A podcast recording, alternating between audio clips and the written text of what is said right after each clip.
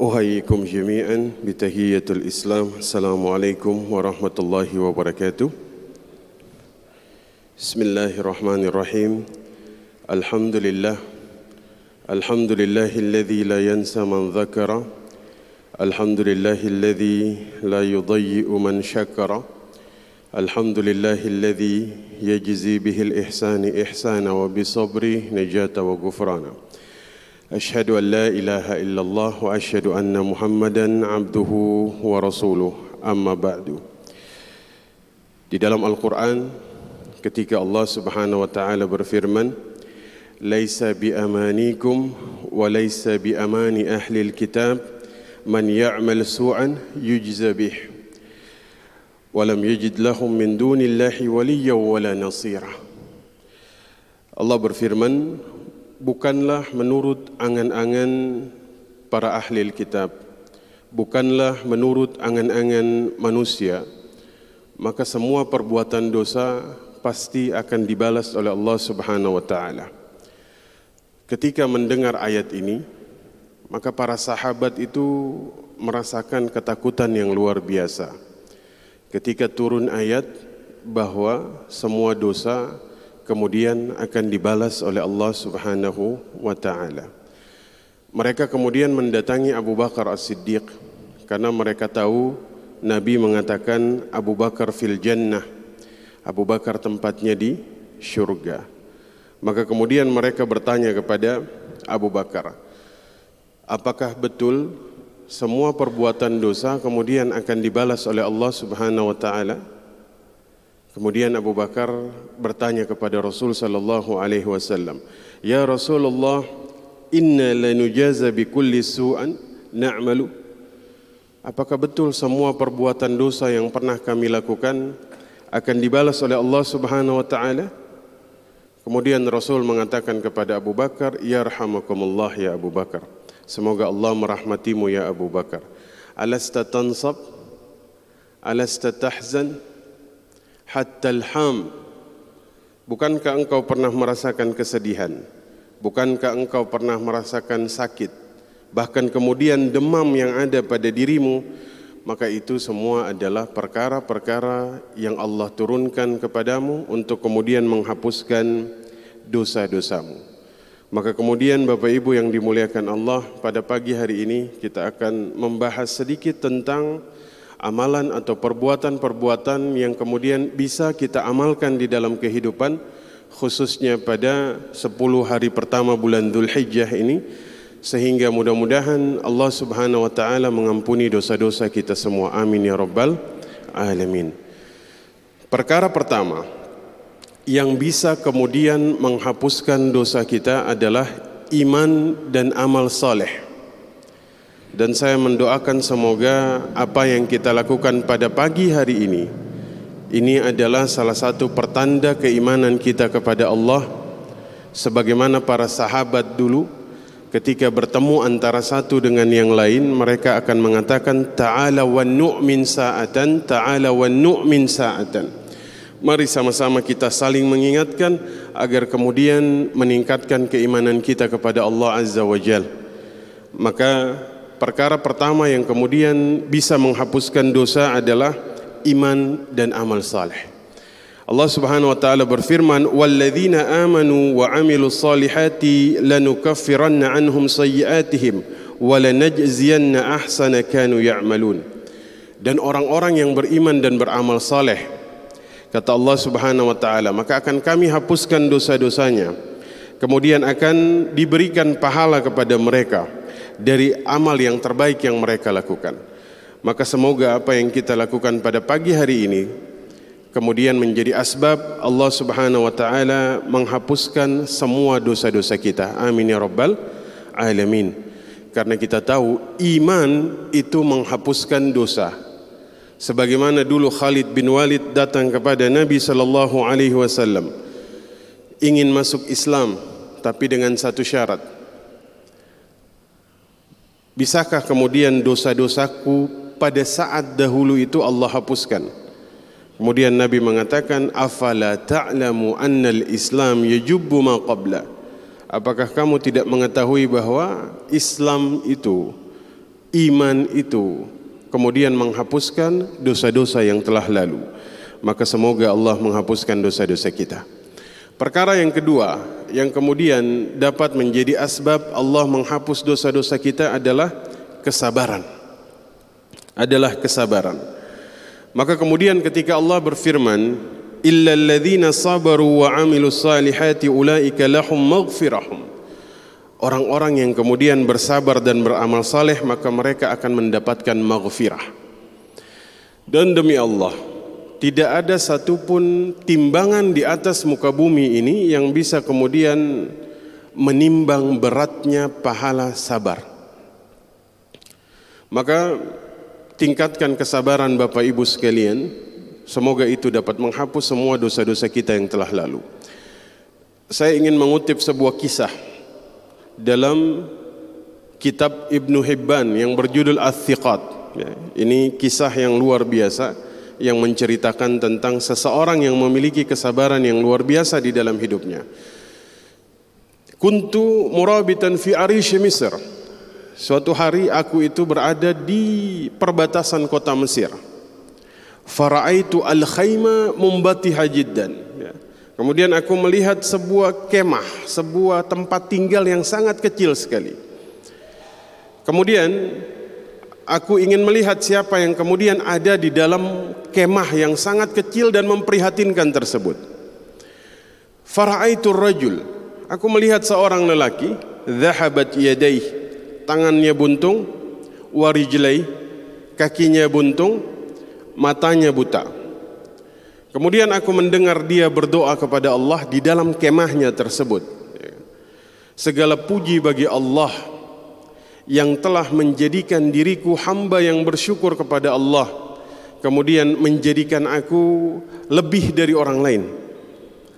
Maka kemudian ditanya alamadha engkau bersyukur atas apa? Tanganmu buntung kakimu buntung matamu buta. Kemudian dia mengatakan wallahi kalau Allah kemudian irsal alayyal bihar kalau Allah kirimkan lautan kemudian menenggelamkan diriku atau Allah turunkan langit kemudian meremukkan tubuhku. Atau kemudian Allah kirimkan api sebesar gunung kemudian membakar diriku. Maka kemudian tidak akan mengurangi sedikit pun rasa syukurku kepada Allah. Ajib. Ini kondisi yang luar biasa.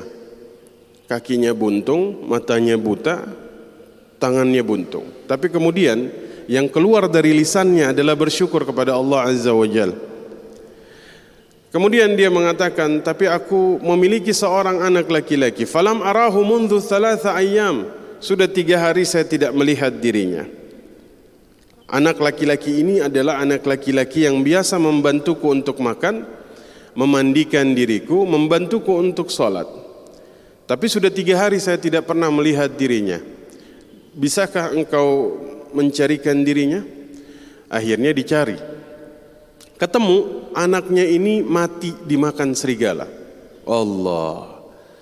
Akhirnya dia mencari cara yang terbaik bagaimana caranya saya memberitakan kepada orang tua yang malang ini bahwa anak yang kemudian sering membantu dirinya di dalam kehidupannya yang memprihatinkan telah mati dimakan serigala. Akhirnya dia mencari sebuah cara. Ya, dia datang kepada orang tua tersebut dia katakan, "Atas ma'a Ayub, apakah engkau pernah mendengar kisahnya Ayub?" "Na'am." Ibtalahallahu fi malihi. Allah menguji dirinya dengan hartanya. Satu malam semua hartanya itu habis terbakar. Fama wajada apa yang kamu temukan dalam diri Ayub? Dia bersabar, kata orang tua tersebut. Taib. Ketika dia bersabar, kemudian Allah tambahkan lagi ujian. Ibtalahallahu bi auladihi. Allah uji dia dengan anak-anaknya. Semua anak-anaknya itu wafat dalam waktu satu malam. Kemudian apa yang kamu temukan dalam diri Ayub dalam kondisi seperti ini? Wajadahu sabiran. Kata orang tua itu, tentu saya menemukan Ayub dalam keadaan sabar. Ketika dia sabar, Allah tambah lagi ujiannya. Apa ujiannya? ibtalahallahu fi jasadi. Allah uji dengan jasadnya. Semua jasadnya dipenuhi dengan dengan penyakit. Ya. Kemudian orang tua ini seperti merasa ada yang diulur-ulur oleh pemuda ini. Beliau katakan, "Tayyib, saya lapar. Mana anak saya?" Kemudian dikatakan, "Mintalah pahala dan kesabaran dari Allah Subhanahu wa taala, anakmu telah mati dimakan serigala." Apa yang keluar dari lisan orang tua tersebut? Alhamdulillah segala puji bagi Allah yang tidak meninggalkan anak keturunanku orang-orang yang bermaksiat kepada Allah. Langsung wafat saat itu juga. Tentunya orang ini jadi bingung. Bagaimana caranya saya mengurus jenazahnya sendirian? Memandikan, mengkafani, menguburkan. Di tengah-tengah kebingungannya, ya, dia tutupi jenazah ini dengan sebuah kain. Datanglah kemudian beberapa orang yang melintasi tempat itu melihat dia dalam keadaan kebingungan. Maqis satu apa yang membuat dirimu begitu berada dalam keadaan kebingungan? Akhirnya dia cerita. Tadi saya lewat ketemu orang tua memprihatinkan. Dia cerita anaknya dimakan serigala. Kemudian tiba-tiba orangnya meninggal. Taib, kita akan bantu. Tapi kan jenazahnya ini ditutup pakai sebuah kain, pakai jubahnya dia. Buka dulu ini jubah agar kami tahu siapa yang ada di balik uh, jubah ini. Ya, ketika dibuka, orang-orang yang lewat ini tiga orang ya, yang berkuda ini langsung turun dari kudanya, langsung mencium jenazah tersebut. Mereka tanya sama dia, antum tidak kenal ini siapa? Ini adalah Abu Qilabah al-Jurmi sahabatnya Abdullah ibnu Abbas radhiyallahu anhuma. Orang yang tidak pernah meminta kecuali meminta kepada Allah. Orang yang tidak pernah bersujud kecuali bersujud kepada Allah. Dulu beliau ini mau diangkat menjadi qadi, hakim, jabatan yang sangat prestisius pada saat itu. Tapi menolak dan menghilang di sebuah tempat yang tidak ada satupun dari diri kami yang tahu di mana beliau. Pada hari ini kami bertemu dengan beliau ya dalam keadaan yang luar biasa. Dalam kitab ini diceritakan ketika sudah dikuburkan beberapa hari kemudian ya beliau bermimpi ketemu dengan Abu Qilabah Al-Jurmi dalam keadaan yang sangat luar biasa. Ya, yang membacakan sebuah ayat Assalamualaikum bima sabartum. Ayat yang kemudian tertulis di atas pintu surga itu yaitu berbicara tentang perkara sabar. Maka kemudian Bapak Ibu yang dimuliakan Allah, perkara kedua yang kemudian bisa kita lakukan untuk menjadi asbab agar semua dosa kita diampuni oleh Allah Subhanahu wa taala khususan di 10 hari bulan Dzulhijjah ini adalah perbanyak kesabaran kita. Perbanyak kesabaran kita. Ya, pertama tingkatkan iman dan amal soleh. Yang kedua perbanyak kesabaran kita. Yang ketiga perkara yang bisa kita lakukan kemudian agar Allah kemudian menghapus dosa-dosa kita adalah bersadaqah dan menyembunyikannya. Bersadaqah dan menyembunyikannya. Maka kemudian Allah berfirman, "Wa in tubdu sadaqah fa ni'mah." Kalau kalian bersadaqah secara terang-terangan itu baik, ya. Tapi kata Allah Subhanahu wa taala, "Wa in tukhfuha wa tu'tuha al-fuqara." Tapi jika kemudian kalian menyembunyikannya, ya, kalian berusaha kemudian memberikan kepada fakir miskin dalam keadaan diam-diam, dalam keadaan tidak terang-terangan, ya. Terang-terangan baik. Tapi kata Allah Subhanahu wa taala, kalau kalian lakukan secara diam-diam, fahuwa khairul lakum. Itu lebih baik bagi kalian. Itu lebih baik bagi kalian. Kata Allah Subhanahu wa taala, "Wa yukaffir anhum sayyi'atikum wallahu bima ta'maluna khabir." maka kemudian Allah Subhanahu wa taala akan menghapuskan dosa-dosa kalian. Perkara yang ketiga yang kemudian bisa menghapus dosa kita adalah bersedekah secara diam-diam walaupun terang-terangan baik kata Allah. Yang keempat, cinta kepada Rasulullah sallallahu alaihi wasallam. Ini adalah perkara yang bisa membuat Allah menghapus dosa-dosa kita. Berapa salawat yang sudah Bapak Ibu bacakan hari ini? Sepagi ini. Dulu ada sahabat Ubay bin Ka'ab datang kepada Rasul. Beliau tanya, "Ya Rasul, saya ini suka membacakan salawat kepadamu. Berapa banyak yang harus saya bacakan di dalam doaku kepada Allah?" Kata Rasul, "Masyita, terserah." Idan rub'aha ya Rasul. Satu per empat isi doaku kepada Allah salawat. Kata Rasul, fa in zitta fahuwa khair. Tapi kalau kamu tambah lagi itu lebih baik. Idan nisfaha ya Rasul? Kalau setengahnya gimana ya Rasul? Kata Rasul, fa in zitta fahuwa khair. Kalau kamu tambah lagi lebih baik. Idan thuluthiyah ya Rasul? Satu per tiga? Fa in zitta fahuwa khair. Kalau kamu tambah lagi lebih baik. Idan kullaha ya Rasul. Semuanya salawat ya Rasul. Apa kata Rasul? Tukfahammak wa yukfar laka dhambak. Tukfahammak. Tukfahammak ini Allah angkat semua kesedihan dalam dirimu, Allah hilangkan semua kesempitan dirimu, kemudian Allah hapuskan semua dosa-dosamu. Allah hapuskan semua dosa dosa. Maka kemudian ini yang dilakukan oleh para sahabat. Cintanya kepada Rasul sallallahu alaihi wasallam itu tidak terkirakan. Ya, cintanya luar biasa. Ya. Sekarang para sahabat itu kalau ditanya, ya, berapa jumlah uban yang ada di rambutnya Rasul? Mereka hafal.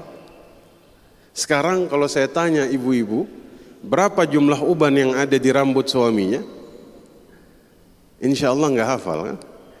Kalau ditanya jumlah uang yang ada di dompetnya, ibu-ibu hafal biasanya ya. Tapi kalau ditanya berapa jumlah uban yang ada di rambut suaminya, nggak hafal. Sahabat tahu, hafal. Kalau ditanya apa makanan kesukaannya Rasul, tahu mereka. Ya, bahkan ya dulu itu sahabat eh, Ibnu Mas'ud. Ya, Ibnu Mas'ud ini orangnya tidak terlalu tinggi bapak ibu. Kalau jalan sama Rasul selalu di belakang Rasul. Ya, Rasul ketika melewati sebuah jalan ada dahan yang menjuntai. Jadi memang harus merunduk. Kalau tidak merunduk kepalanya kena. Lama setelah Nabi wafat, beliau setiap lewat situ nunduk. Padahal nggak tunduk pun nggak kena kepalanya. Ditanya sama sahabat, antum kenapa lewat sini tunduk? Karena dulu Rasul lewat sini Rasul tunduk. Allah. Abu Ayyub Al Ansari, setiap Rasul selesai makan dia lihat apa yang dimakan oleh Rasul, apa yang tidak dimakan oleh Rasul. Suatu hari ketika makanan dibawa, dia lihat sisanya. Oh Rasul nggak makan. Ditanya, Kenapa tidak makan ya Rasul? Karena ada bawang. Rasul menjaga, menjaga adabnya. Karena sering berbicara dengan malaikat, maka tidak mau kemudian mulutnya bah, bau pada saat itu. Apa kata Abu Ayyub Al-Ansari? Mulai saat itu saya tidak makan bawang. Allah. Ya, ini kan karena mereka tahu bahwasanya Allah Subhanahu wa taala berfirman dalam Al-Qur'an, "Qul in kuntum tuhibbunallah ya, fattabi'uni yuhibbukumullah wa yaghfir lakum dzunubakum. Allah kemudian yang berfirman, katakanlah Muhammad kepada orang-orang yang kemudian mengaku cinta kepada Allah. Ya. Allah kasih ukuran, ukuran cinta kepada Allah Subhanahu wa taala yaitu cinta kepada Nabi sallallahu alaihi wasallam. Maka kalian akan mendapatkan cinta Allah, maka kemudian dosa-dosa kalian akan diampuni oleh Allah Subhanahu wa taala. Maka kemudian perkara yang bisa Bapak Ibu lakukan pada 10 hari bulan Dhul Hijjah ini perbanyak salawat kepada Nabi sallallahu alaihi wasallam. Perkara selanjutnya Bapak Ibu sekalian yang dimuliakan Allah menjauhi dosa-dosa besar. Menjauhi dosa-dosa besar. Ini bisa membuat kita kemudian diampuni oleh Allah Subhanahu wa taala. Hati-hati terhadap dosa besar. Ya, karena dosa besar ini akan selalu melahirkan dosa-dosa yang lain. Maka kemudian jaga diri kita dari dosa-dosa besar, ya. Maka kemudian in tajtanibu kaba'ira ma tunhauna anhu nukaffir anhum sayyi'atikum wa nudkhiluhum mudkhalan karimah. Kalau kalian menjauhi dosa-dosa besar yang kemudian dilarang, maka kemudian Allah akan menghapus dosa-dosa kalian dan memasukkan kalian ke tempat yang mulia yaitu surga Allah Subhanahu wa taala. Ya. Jadi yang pertama tadi iman dan amal saleh, kemudian yang kedua sabar, yang ketiga uh, apa? cinta kepada Nabi, yang keempat perkara yang terakhir yang kita bahas pada hari ini yaitu istighfar. Yaitu istighfar. Dari Ibnu Abbas, Rasul sallallahu alaihi wasallam dalam satu majelis beliau itu mengatakan, "Rabbighfirli wa tub alayya innaka anta tawwabul ghafur." Dalam satu majelis jamaah, ya.